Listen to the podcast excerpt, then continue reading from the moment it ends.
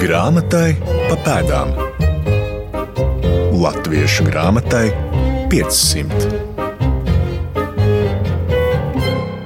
Esiet sveicināti grāmatu draugi, vēstures draugi un grāmatu vēstures draugi. Šodien es jūs uzrunāju no robežu novada stopiņu pagasta upeslejām un atrodos ļoti skaistā vietā, galvenokārt priežu meža ielokā. Un te manam acu skatam paveras Austrumu Kliniskās Universitātes slimnīcas, tuberkulozes un plaušu slimību centrs, bet eh, neuztraucieties, mūsu iemesls nav tik daudz kā pētīt eh, šo medicīnas nozari, kā drīzāk piemineklis, kurš atrodas priekšpusē šim ārstniecības centram, proti, sarkanā granītā veidots izkalums ar stopiņu novada ģerboni uz tā, un šeit nedaudz pabrienot uz priekšu, mēs varam izlasīt iekalumu Zahārijam Stopijam, ārstam un astronomam 16. gadsimtā un es atklāšu, ka es nebūtu, neesmu viens šajā sākuma posmā pie stāsta par Zahāriju Stopiju. Ar mani kopā ir arī Ulbrokas bibliotekas vadītāja Daiga Brigmane. Labdien! Labdien, Tom! Labdien, grāmatu draugi! Jūs tiešām atrodaties mazās Jūglas upes krastos, kur atrodas šī pieminētā slimnīca un nozīmīgais Zahārijas Stopijus nopelniem veltītais piemineklis.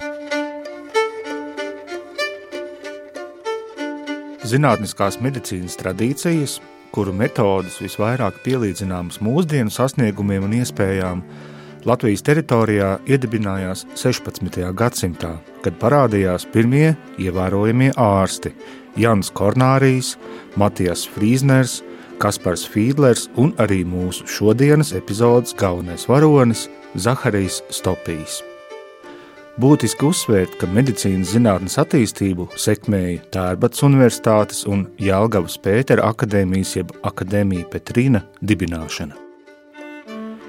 Pirmo pastāvīgo Rīgas kalendāru 1554. gadam sastādīja Rīgas arhibīskapa ārsts Tarkvīnijas Šnelenborgs, taču tas nav saglabājies.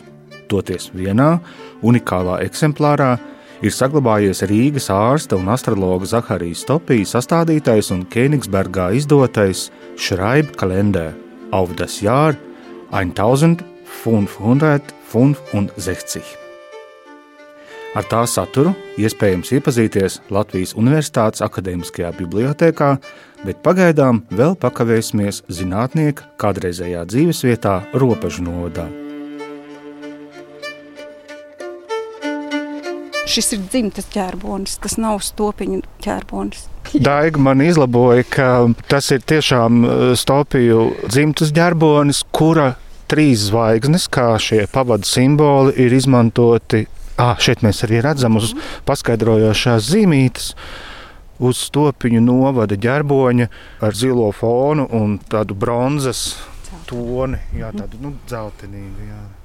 jā, tās priekšvēsture ir skatāma stāstā par zemes iegūšanu mazās Juglas upes krastā. Tātad Stopijus dzimta iegūst palielu zemes gabalu no Rīgas arhibīskapa Brandenburgas Vilhelma un arī kurzemes hercoga Gotthārda Ketlera par to, ka viņi tika ārstēti un par aktīvu darbību no arhibīskapa un kurzemes hercoga eh, Zahārijas saņēma zemes gabalus, uz kuriem izveidojās stopiņu mūža. Stopiņu mūžai piederēja vairāki zemes gabali un krogi ceļa posmā Rīga Daugaupils. Ar laiku mūžai pievienojās vairākas sīkas mūžiņas gar mazās jūglas krastiem. Tāpat laikā Polijas karalis Zigismunds II augusts piešķīra mūžnieka titulu Zahārijam Stopijam. Mūsdienās Stopiņu mūžas vietā atrodas ciems upes lejas Ir pamats domāt, ka tieši no Zahārijas Topija uzvārda ir cēlies Stopiņu pagasta nosaukums, uzskatot, ka 1887. gadā rakstos minētās ziņas par pagastiem Rīgas apkārtnē ir saistītas ar minēto Stopiņu pagastu. Mūsdienās 2001. gadā Stopiņu pagastu upes lejās pie mazās Juglas upes uzstādīts piemineklis ārstam un astrologam Zahārijam Stopijam. Pieminekli redzams cimtas ģērbonis. Pieminekļa autors ir Stopiņu pagastā dzīvojošs telnieks akmeņkalis Uldis Sterģis. 20. gados strādājot pie stopiņa pagasta ģērboņa un karoga izveides, pieminot izcilā ārsta, astrologa piemiņu, par pamatu tika ņemts fragments no Zahārijas stopija dzimtas ģērboņa - dzeltenas zvaigznes uz zila fona. Šīs krāsas ir arī Stopiņu novada tautas tērpā, kurš tika darināts par godu novada 130. gadsimtai. Tur bija arī tāda uh, izvēle turpināt šos toņus arī jūsu tautas daļamata līnijā. Jā, to pateicīgs jautājums. Tamdēļ, ka no 2007. gada, kad Stopiņu novads e, par atskaites punktu ir ņēmis šo e, rakstos minēto 1887. gadu, lai uzskatītu, ka vietas nosaukums ir Stopiņi, novads svin ik pa gadam novada svētkus. Un Pirmā gadsimta ir 125 gadi 2012. gadā, kad tiek darināta 37 metrus gara tautiska josta, kur piedalās 427 novada iedzīvotāji, un 130. gadsimtā vēl pēc pieciem gadiem top stopiņu novada tautas tērps. Un jāsaka, ka šī dzeltenā un zili dzeltenā krāsa ir vistiešākais apliecinājums saistībā ar ķērbonu un karogu tālajā vēsturiskajā 16. gadsimtā iedibinātajam. Tās jau var būt tādas spekulācijas, bet tie toņi, ņemot vērā arī to upes leiteci, varētu būt kaut kā saistīti arī ar lībiešu tradīcijām, ar šiem arheoloģiskajiem tērpiem, kur zils un zeltains ļoti svarīgi. Jā, pie lībiešiem varam pieskaitīt šo apvidu un vietu, un e, vēl tikai telnieka ideja Jau minējām, pieminējām Ulu Sterķi kā telnieka autoru, izveidojot šo pieminekli, bet telnieks ir arī tautstērpa idejas autors. Un mēs esam arī pateicīgi par tām rakstu zīmēm, rakstu tautu zīmēm akmenī, Līgo parka akmens dārzā, kas ir pieminētā telnieka tāds rokraksts un atbildības topiņu pagasta, teiksim, šobrīd piederībai un identitātei. Grāmatai pa pēdām. Šobrīd mēs esam nedaudz nomainījuši savu atrašanās vietu, ieradušies jau upes leja ciematā. Arī šeit ir ļoti daudz priežu, un to var just pēc ļoti dzīvinošā gaisa. Un kopā ar Daigu soļojam pa tādu vienkāršu ieliņu. Vienā pusē veikals, abās pusēs dzīvojamās mājas. Brauc arī Rimija piegāde. Seniori ar četrkājainiem draugiem, bet kaut kas jau ar šo ielu, protams, ir īpašs. Daiga. Nebūs melots to. Īpašs ir tas, ka pagājušajā gadā iedzīvotāji, upes ciema dzīvojošie iedzīvotāji aktivizējās. Un, protams, tam ir par pamatu noteikti arī administratīva teritoriālā reforma. Gribēja savā ciematā iedibināt vai paliekoši atstāt Zahārijas stopiju vārdu, un tāpēc divas ielas šajā ciematā ir nosauktas Zahārijas stopiju vārdā kas vien to liecina, cik nozīmīgas ir šis ārsts astrologs šai vietai, kurā kādreiz attālajā 16. gadsimtā Zahārijam Stopijam bija mūžas un īpašumi. Jūs pieminējāt mūžu. Tas arī ir apskatāms, vai tas nav tik viegli apskatāms? Tas nebūs tik viegli apskatāms, jo mūža teritorijas vietā ir uzveidots upesleju ciems kurā mēs šobrīd atrodamies. Šeit ir vairākas astoņas dzīvojamās mājas, spēļu laukumi, ceļš uz skolu un netālo slimnīcu. Tā kā ļoti industriāli mūsdienīgs ciemats ar daudz dzīvokļu mājām. Un tad neviena tāda klasiska drupa paliek, ko mēs varētu nodēvēt par kaut kādu pēdējo atmiņu zonu tāda īsti nav. Ja? Īsti nebūs. Jā, to mēs varam apskatīt droši vien dažāda veida rakstos, vāciskajā mēlē, laikrakstos. Un, protams, grāmatā, ko ir pētniece, grāmatu sastādītāja Birota Zvaigznīte veikusi, lai šo apkopojumu veiktu. Akadēmiķis Jānis Stradiņš savā pētījumā Zinātnes un augstskola sākotnē Latvijā uzsvēris, ka Stopijs bija pirmais rīznieks, kurš novēroja debesu spīdekļus, piemēram, 1578. gadā redzēto komētu. Viņa autorībai piedēvējama arī plaša saimnieciska rokas grāmata Līflandieša ekonomija jeb Livonijas ekonomika, par kuras saturu gan šobrīd varam spriest tikai no suntažu mācītāja Solomona Guberta apkopojuma, kurā viņš izmantojis šī izdevuma norakstu. Taču nu izpētīsim gan paša Zaharijas Topija dzīves zīmīgākās ieloces, gan arī viņa sastādītā kalendāra īpatnības. Šim nolūkam gatavs palīdzēt Paula Stradiņa, medicīnas vēstures muzeja komunikācijas speciālists un grāmatniecības pētnieks Artis Ērglis. Izpētes augsta. Visvairāk, lai arī konstatētu nedaudz citu datumu, tomēr pamatā visi vienojušies, ka viņš ir dzimis ap 1535. gadu. Mēs nezinām ne viņa patiesībā sakot precīzu dzimšanas, ne arī e, nāves gadu. E, dzimis viņš ir Vroclavā, Silēzijā, tagadējā Polijas teritorijā. Tajā brīdī tā pilsēta saucās Breslava. Un te arī ir, nu, es pieturos pie tā, kā viņš ir latviešu visplašāk izplatīts, kā mēs viņu lietojam, Zakarijas stopijas nu, tādas vāciskas latinizētās formas. Atkal kaut gan nu, var atrast arī citas, gan stopijus, gan varētu teikt, sakārijas stope. Jā, jā, jā.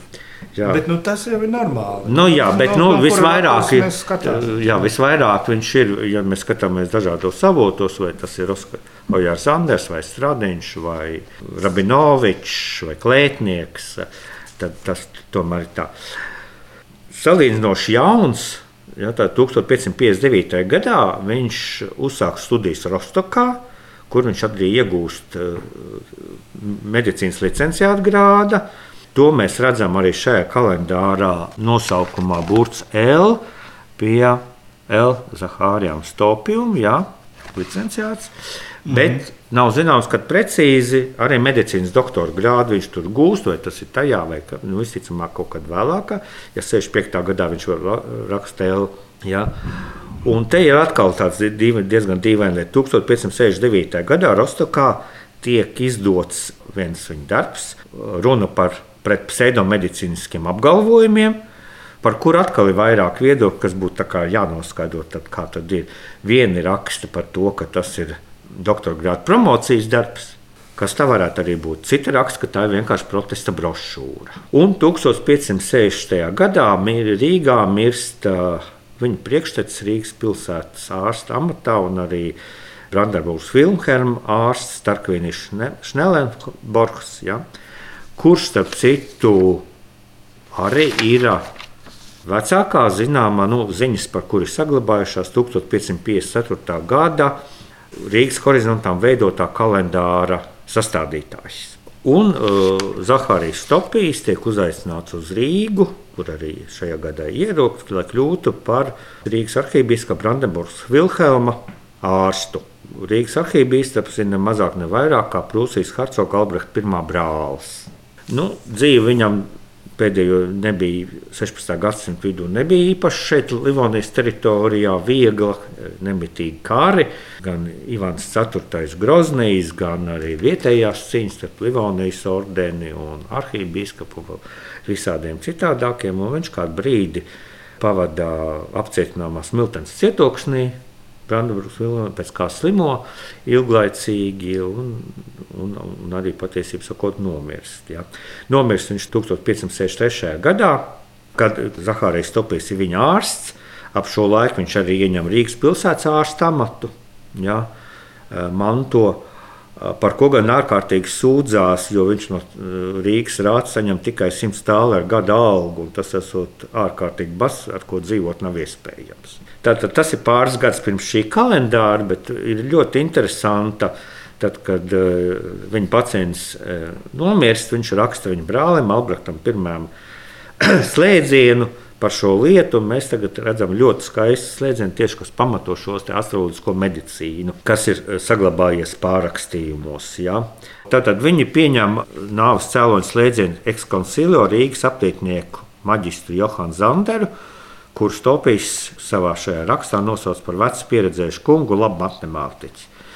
No slēdziena zināms, ka rīt pusē arhīvbīskaps jūties labi, taču tad stāvoklis krasi pasliktinājies.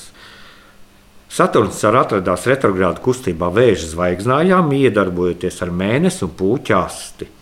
Hegemonija atrodošais Mars bija opozīcijā retrogrādu Saturnam un Jupiteram, kas atradās 12. domīcīlijā. Arhībīskaps stāvokļa krasā pasliktināšanās parāda šādas konfigurācijas draudīgo un nelaimi vēstošo dabu.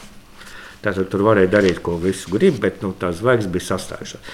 Bet te mēs atkal redzam divus. Viens ir tas skaidrojums, kas ir astroloģiskā daļa. Bet, lai noteikti, ka tas, tas ir retrogrādā, viss viņam bija jābūt tam astronomiskajai izpratnē par to, kā izmērīt un saprast, kas ir kurā vietā atrodas. Un vispār jāpazīst jau zvaigznes, cik cilvēki no mums pazīst un varētu atrast nu, mēnesi, jā, bet Marsu vai Saturnu vai Jupiteru debesīs un attiecīgi aizvaigznājām. Atklājam tekstus! Zaharijs Stopijs savā kalendārā Rīgas horizontam 1565. gadu dēvē par 5527. gadu pēc pasaules radīšanas un 3871.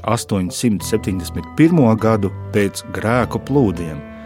Kalendārā norādītas dienas, kas ir labvēlīgas labības sēšanai, koku ciršanai, acu zāļu lietošanai un citām ikdienas gaitās noderīgām lietām. Katram mēnesim atvēlētas divas lapuses. Kreisajā pusē teksts, labajā vieta piezīmēm. Viņietēs atspoguļotas lauku dzīves ainas, zemnieki ar, sēji, pļauj, cērpa aitas, mīstī linus. Šādu darbu norise bija puslīdz vienādi gan Livonijā, gan Kēnigsbergas pusē, kur kalendārs tika iespiests. Nedēļas dienas tekstā apzīmēts ar alfabēta burtiem A, B, C, D, atkal C, F un G. Svētdienas un svētku dienas izceltas ar sarkanu krāsu.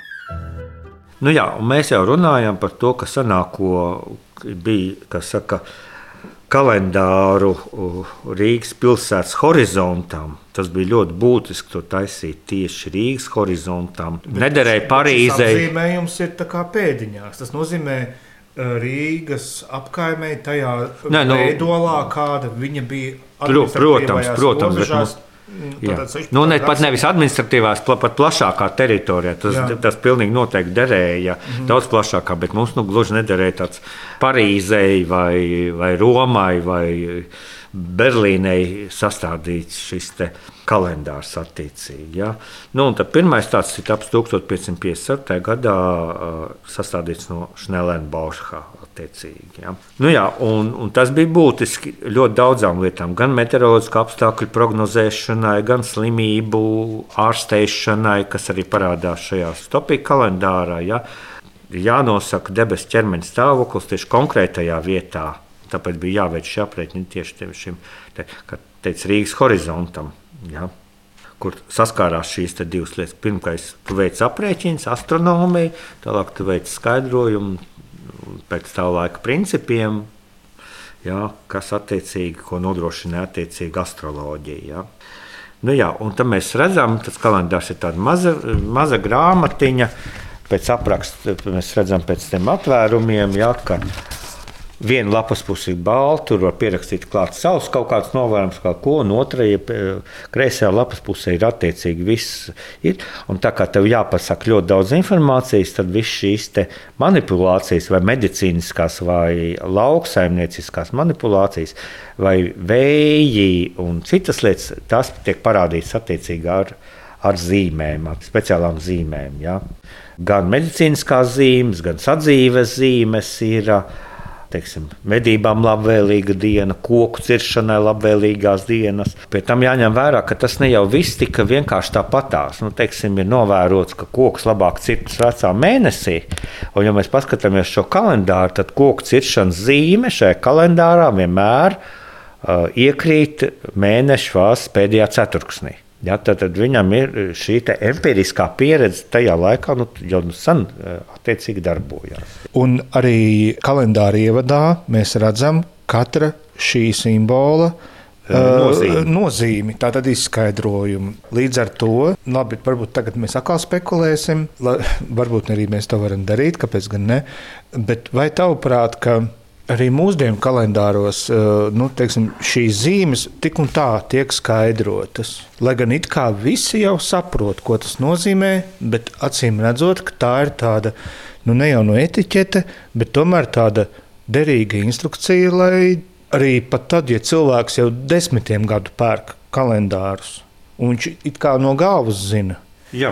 Vai ne? Tā ir nu, bet, nianse, kad, kad nē, nu, pilnīgi, šajā... pilnīgi noteikti. Nu, bet, nu, tas, ko mēs zinātu, varētu būt uh, jauna un pilna mēnesis vai, uh, vai tādas zīmes, bet tās pārējās zīmes par to, kurā brīdī ir labi āders laist vai ārstēt vai ārstēt acu piliens ieņemt no šīs zīmes, mēs diezgan vai pazīsim. Bet es domāju, ka tā ir normāla, jebkura izdevēja cieņa pret lasītāju, lai viņam nav jāmeklē, lai viņš apskatīs. Nu, mēs taču arī nopietnās grāmatās publicējam saīsinājumu sarakstu, mēs taču visi zinām, ko nozīmē UTT, piemēram. Ja? Bet, jā, bet tas ir tik un tā, jā. nu, laikam tā ir tā etiķete. Tā ir tāda, ka tas nav, nu, tad var gadīties, ka mūsdienu jaunā paudze vairs nezina, kas ir LKPCK, piemēram. Svarīgā grāmatzīme. Arts Ērglis iezīmē interesantu niansi, kas saistīta ar Zaharijas Topiju dzimtu. Vēl dažus gadus vēlāk, 1567. gadā, viņš kļūst ne, paralēli darbojoties kā Rīgas pilsētas ārsts, kļūst arī par Kurzemes zemkaulas hercogu Gotthārdu Ketlera galvenā ārstu. Pirms tam jau viņš ir pirmoreiz apprecējies. Viņa dzīves, pirmā dzīves sieva ir Rīgas namnieka Helmiga Drobas meita Anna. Šī laulība bija ilgs kāds desmit gadus, jo zināms, ka 1577. gadā viņš apracis otrais ar arī Rīgas namnieka eh, Hansa Ingonovera meitu Annu. Abas sievas viņam bija Annas. Jā. Nu, ļoti, ļoti prātīgi. Jā. Jā. Un Stopijs ir bagāts bērniem, viņam ir sešas meitas. Elizabete, Gertrūda, Katrīna, Barbara, Agnese, Vendula un divi dēli, Zahārijas un Johans Ludvigs. Nu, Atkal nav zināms precīzi, kurš ir no kuras laulības, lai arī ir avoti, kur minēts, ka visi nāk no otrās laulības. Varbūt tā arī tas ir bijis. Jā. Nu, te man mazā atkāpja, ja mēs runājam par, par bērniem, tad uh, īpaši interesanti varētu būt laikam, viņa meita Katarīna Štope vai Stopija. Stopija, jo tajā laikā Zviedrijā nebija pieņemts, ka sievas pārējai vīru uzvārdā kura aizbrauc vīram līdzi. Eh, Vīrsiņa Mollers eh, bija Zviedrijas pārstāvs Maskavijā, un 1632. gadā mirst, un Zviedrijas Rīgsdāks pilnvaro viņu pārstāvēt Zviedrijas intereses. Eh, Maskavijā, ko viņi veiksmīgi arī divus gadus dara, līdz viņi spiest braukt projām.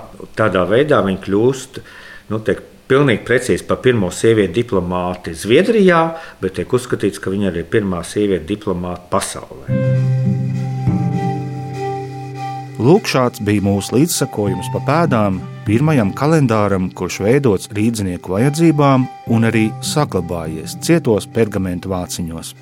Pateicos Pāvils Stradiņa medicīnas vēstures muzeja komunikācijas speciālistam un grāmatniecības pētniekam Martim Mērglim, Ulbroks bibliotēkas vadītājai Daigai Brigmanai, kā arī Ājai Taimiņai, Latvijas Universitātes akadēmiskās bibliotēkas rokrakstu un reto grāmatu nodaļas vadītājai. Nākamnedēļ dosimies jaunā grāmatas izsakojumā, bet šīs reizes epizodi līdzēji sagatavot Santa Lauga un Nora Mitspapa, sveicieni arī mūsu padomdevējiem Latvijas Nacionālajai Bibliotēkai. Visu labu! Grāmatai pa pēdām!